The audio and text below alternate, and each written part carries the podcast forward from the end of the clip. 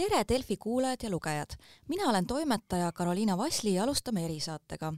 ja täna peatume taas poliitteemadel, sest äh, käesolev suvi on selles valdkonnas Eestis päris hoogne olnud. meil valitsus vahetus ja just äh, hiljuti astusid ametisse uued ministrid. ja need inimeste vangerdused tähendasid seda, et muudatusi oli ka Riigikogus. näiteks Isamaa ridades äh, pääses nüüd Riigikokku ka Siim Kiisler, kes viimasel ajal teadaolevalt on seotud parempoolsetega täna räägimegi tema plaanidest Riigikogus ja ühtlasi ka parempoolsete käekäigust, tervist! tere päevast! ma lugesin meediast, et äh, viitsite, et äh, oli ka ikka sellist kaalumist, et kas minna Riigikokku, aga no kõrvalt ütleks, et pigem oli ikka selline, et äh, esmane mõte, et ikka läheks, et võib-olla natukene siis arutasite seal parempoolsete sees no üks asi oli arutada parempoolsete sees ja parempoolsete seas oli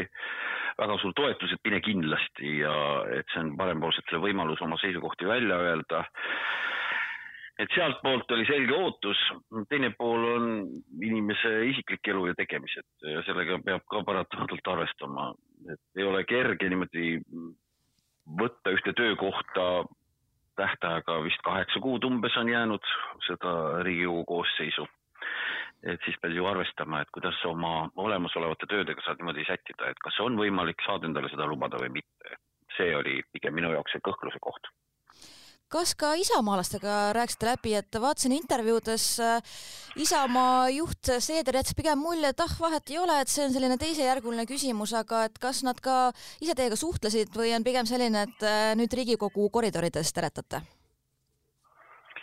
Mingeid selliseid suuri läbirääkimisi minul küll Isamaaga ei toimunud, et loomulikult inimlikult ma ju tunnen paljusid hästi ja,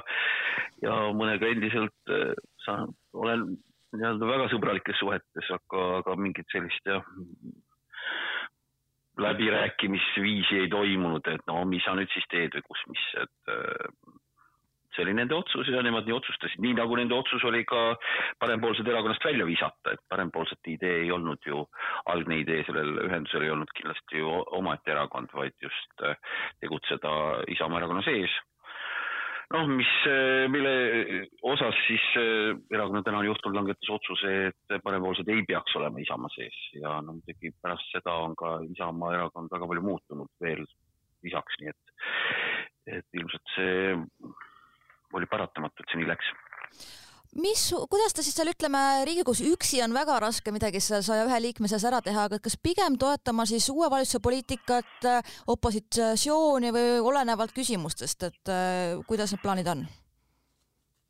parempoolsete poolt vaadates on mure nii äh, opositsiooni kui koalitsiooni osas ja, ja põhimure on selles, milliseks on Eesti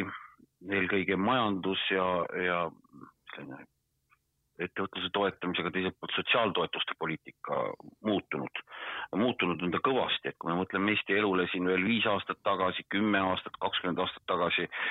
see, mis Eestile on edu toonud siin pikkade aastakümnete jooksul, kus me oleme kiiresti arenenud, see hoiak on alati olnud see, et Eesti inimene peaks saama hea tasuva töökoha, teenima seal nii palju raha, et jõuab ka makse maksta sellest ja, ja sellest äh, maksurahast saab äh, riik toetada abivajajaid, siis nüüd me näeme, nüüd näeme sellist, äh, ütleme siis niimoodi, et Edgar Savisaart üle välja, eks ole, nii koalitsioonis kui opositsioonis, et Edgar Savisaar on justkui, justkui kõik, kõikides erakondades võitnud, kes Riigikogus praegu on. toimub selline küttepuudest kuni, kuni igasuguste muude sotsiaaltoetuse vormide lubamine üksteise võidu. ja see on see, mis muret teeb ja, ja kokkuvõttes vastus küsimusele, et kas ma olen koalitsiooni poolel või opositsiooni poolel, siis ma olen maksumaksja poolel. sõltumata sellest, kas äh, laristamise ettepanekuga tuleb välja koalitsioon või opositsioon kui vaadata samas reitinguid, on näha, et näiteks Isamaa toetus on siin äh, tõusmas, et mõnes küsitluses ka Eesti kahesajast ette minemas, et nagu see laristamispoliitika enne valimisi tundub, olete ka ise kaua poliitikas olnud, et see mingil määral ju populistlikult töötab?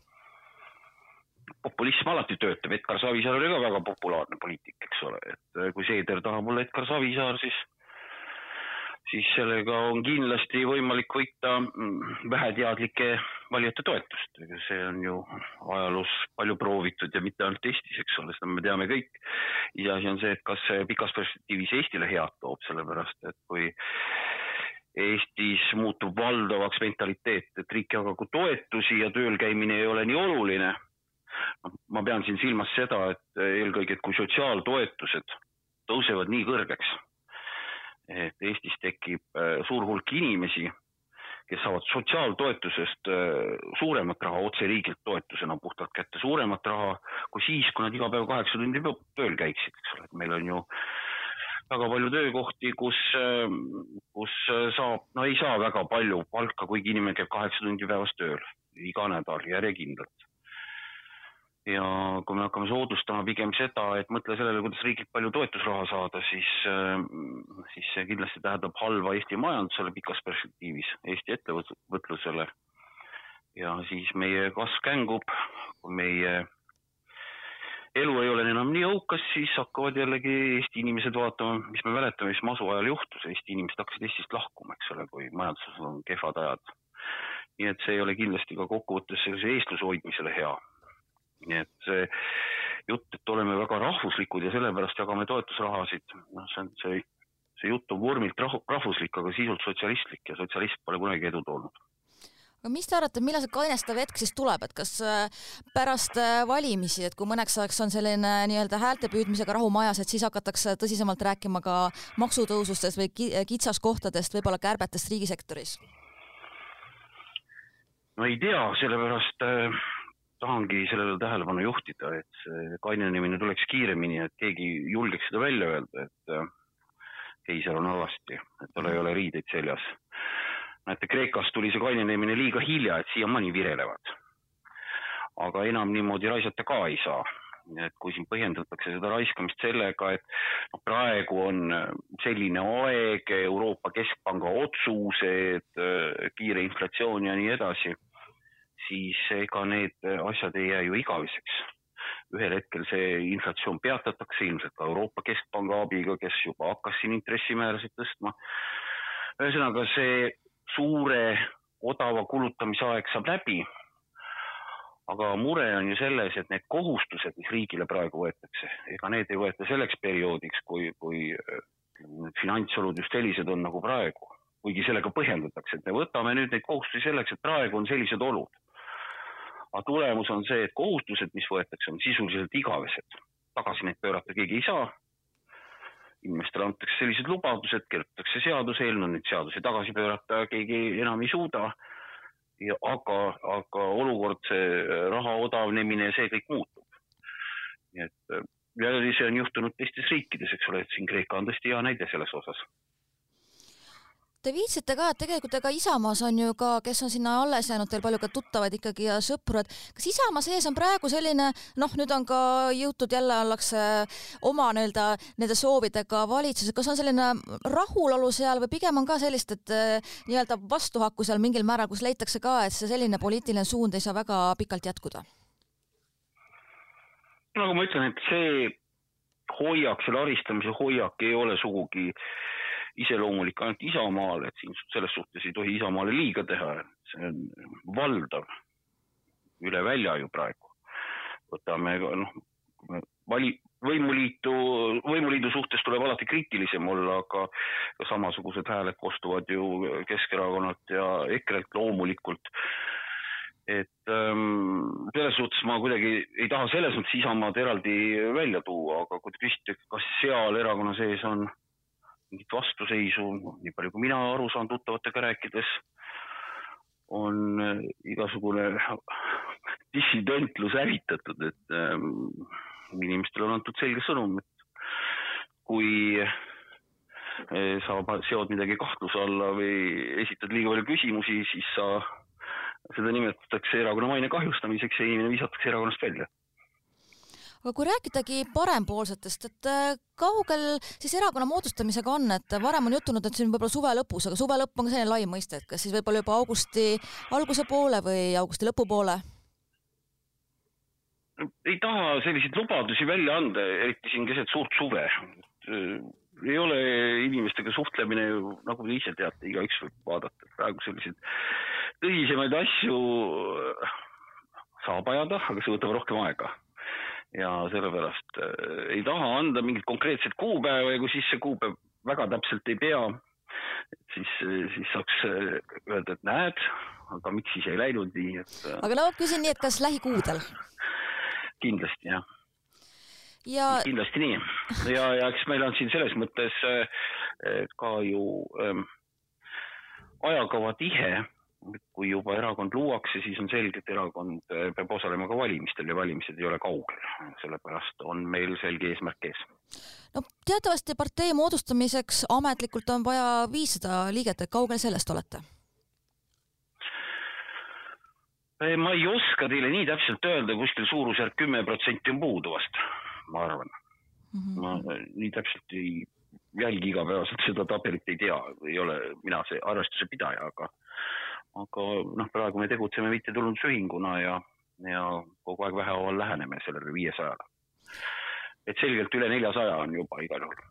no valimised äh, tõesti ei ole enam väga kaugel eks siin ka suurparteid juba valmistuvad, aga te olete ka ise rääkinud, et just ongi see, et ei saa laristada, aga mis, mis sõnumitega siis äh, parempoolsed läheks Riigikogu valimistele vastu?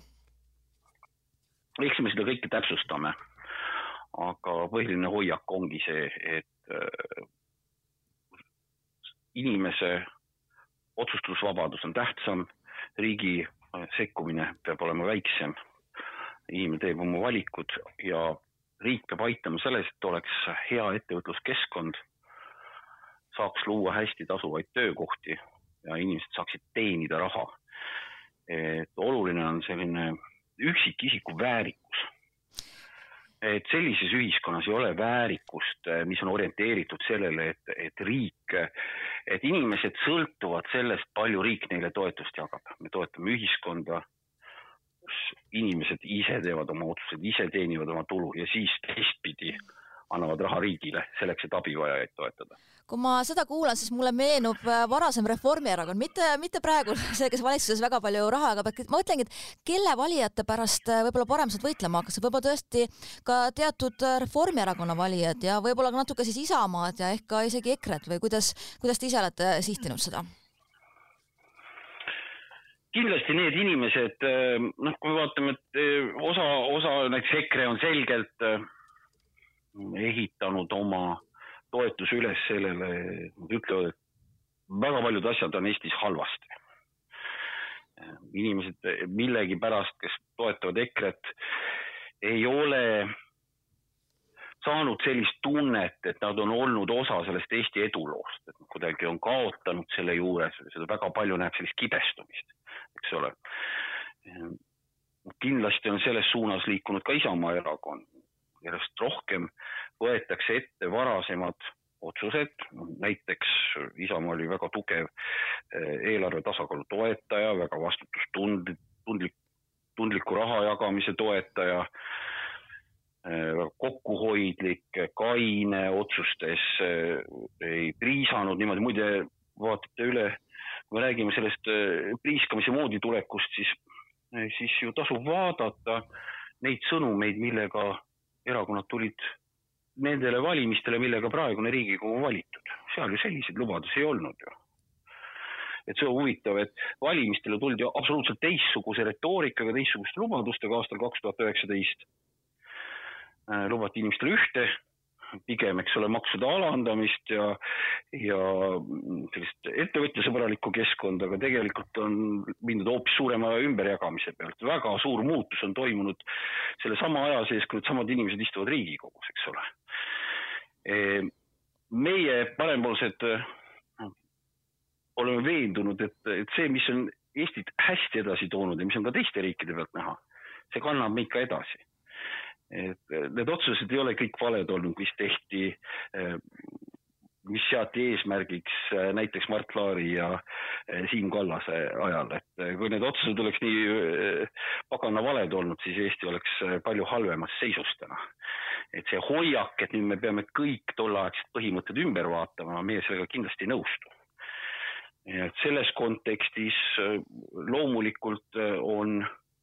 on meie konkurendid eelkõige need erakonnad, mille toetajad arvavad samamoodi, et Eesti on olnud üldiselt õigel teel. Ja me peame seda hoidma aga on me erakonna maastikul üldse tegelikult ruumi, te olete tõesti ka kaua poliitikas olnud kui vaadata peale, praegu meil on ka Eesti kakssada, kes eelmine kord Riigikogu valimistel ei pääsenud, et kui te ka veel seal kõrval, et ega raskeks läheb või mis sa arvad, et kas nüüd järgmiste valimiste tulemus on hoopis see, et tegelikult ongi Riigikogus rohkem erakondi, vähem kohti lihtsalt ühe erakonna kohta ja, ja selline reaalsus? no loomulikult valimissüsteem seab mehaaniliselt omad piirid. Ja üldiselt öeldakse, et see Eestis on see piirarv pigem kuus selle tänase süsteemi põhjal. noh, keegi ei oska ju nii täpselt öelda, et seal eriolukordades on ka muud variandid võimalikud ka rohkem, aga selge, loomulikult on konkurents tihe. aga no ega siis ma ei jäta seda juttu rääkimata, millesse ma usun. sõltumata sellest, kas seda seisukohta jagab hetkel kolm inimest minu ümber või kolmkümmend või kolmsada või kolm tuhat aga me oleme kogenud, et neid inimesi on meie ümber palju, keda teeb täna väga murelikuks see senistest väärtustest loobumine ühiskonnas ja kes ei taha sellist ülalpeetavat ühiskonda Eestis ehitada. ja kindlasti need inimesed mõtlevad tõsiselt, kas nad toetavad neid erakondi, keda nad eelmistel valimistel toetasid. nii et noh, alati on võimalus ja kui räägime sellest tihedusest, siis miks me just sellest parempoolsusest nii palju räägime, sest me näeme, et need erakonnad, keda on klassikaliselt peetud parempoolseteks, nad on lahkunud sellest äh, osast äh, poliitilisel maastikul ja pigem võitlevad äh, teistega selliste sotsialistlikke loosungeid loopides, nii et sellepärast on kindlasti võimalus uuel erakonnal, mis hoiab neid seniseid parempoolseid väärtusi kui ma mõtlen Eesti kahesaja peale, mis ma mainisin, siis endale kõrvalt tundus natuke, et eelmiste Riigikogu valimiste puhul äh, natuke neil vajaka ka sellest, et ei olnud tuntud nimesid, võime küll rääkida jah, et toome uusi tegijaid, aga kui inimene läheb valimiskasti juurde või vaatab, siis ta valib selle inimese, kes, kes ongi talle ikkagi tuttav või mingi kontakt tekkinud, et äh, kas teil juba parempoolsed, isegi kui nimesid praegu välja ei ütle, et on juba ka väljaspoolt äh, veel lisandunud neid, kes on nii-öelda sellele põhituumikule, kes on ka meediast läbi käinud ja kes siis Isamaast lahku lõid? Inimesi on kindlasti lisandunud. me ei ole läinud äh, seda teed, et siin ainult äh, sihtida teatud kuulsusi, kas siis teleekraanilt või mujalt. Ähm, ma päris nõus ei ole sellega, et ainult on vaja tuntud nimesid. jah, see on üks osa. kui me vaatame Eesti poliitika siin viimaseid aastaid, äh, uusi tekkinud erakondi no ma ei ütleks, et Vabaerakond, kes on küll selles suhtes kehv näide, et, et nad ei jäänud püsima, aga püsima ei jäänud nad noh, sellepärast, et neil ei olnud selget maailmavaadet ja, ja kindlasti ka isiklikud vastuolud, aga nad said suhteliselt kiiresti Riigikokku tegelikult. ma ei ütleks, et neid väga, kindlasti ma ei taha kellelegi liiga teha, kindlasti oli neil tuntud nimesid, aga nüüd mitte väga palju ja väga tuntuid teiselt poolt eh, me võime mõelda EKRE peale, kes on ma oma, oma väärtuste poolest mulle täiesti vastuvõetamatu eh, seltskond ja erakond, aga mm, kui me vaatame selle erakonna teket ja kui nad said asutatud ja suhteliselt kiiresti pärast seda Riigikokku valituks, noh, keda sealt üldse inimesed tundsid, ühte perekonda ja praktiliselt mitte kedagi teist. et see ei ole kindlasti otsustav, vaid otsustav on äh, see, kas sul on selged hoiakud ja kas sa suudad neid inimesteni viia ja toetajaid leida ja lõpetuseks ma küsikski, et äh, nüüd ka Riigikogus, et mis on siis esimesed teemad, kus võib-olla ka sõna võtta seal Riigikogus või mis teemat hakata seal kohe nagu rohkem ajama pärast, muidugi pärast sellist suvepausi? no kindlasti needsamad, millest me siin praegu rääkisime, just need majandusteemad, ettevõtluse kaitsmine ja ja sotsiaalsetele toetustele mõistliku piiri pealepanek, inimeste mõistusele kutsumine. et see raha loopimine ei läheks, noh, eks ta käest ära on juba läinud, see ei ole enam õige väljend, ega hullumeelseks ei lähe, ütleme siis niiviisi. aga kindlasti ma hoian äh, väga silma peal äh, minu jaoks väga tähtsal teemal eestikeelsele haridusele üleminek siin on tulnud väga kummalisi signaale, et kas lapsed hakkavad koos õppima või lahus õppima ja kuidas neid siis segregeerida tahetakse. et kõik need küsimused äh, ma ma ei tea ju, olen näinud ainult seda koalitsioonilepingu lõiku, aga sealt ei saa täpselt aru, et kui ehe see kõik on ja kas see eestikeelne õpe tuleb ikkagi sada protsenti eestikeelne õpe, et loodan, et kõik on seal hästi, aga kindlasti jälgin väga valvsalt seda sellega ka saate lõpetaks ja aitäh aega leidmast ja jääme ka poliitvaatlejatena kõrvalt hästi huviga jälgima, et kuidas siis parempoolsetel edasi läheb. aitäh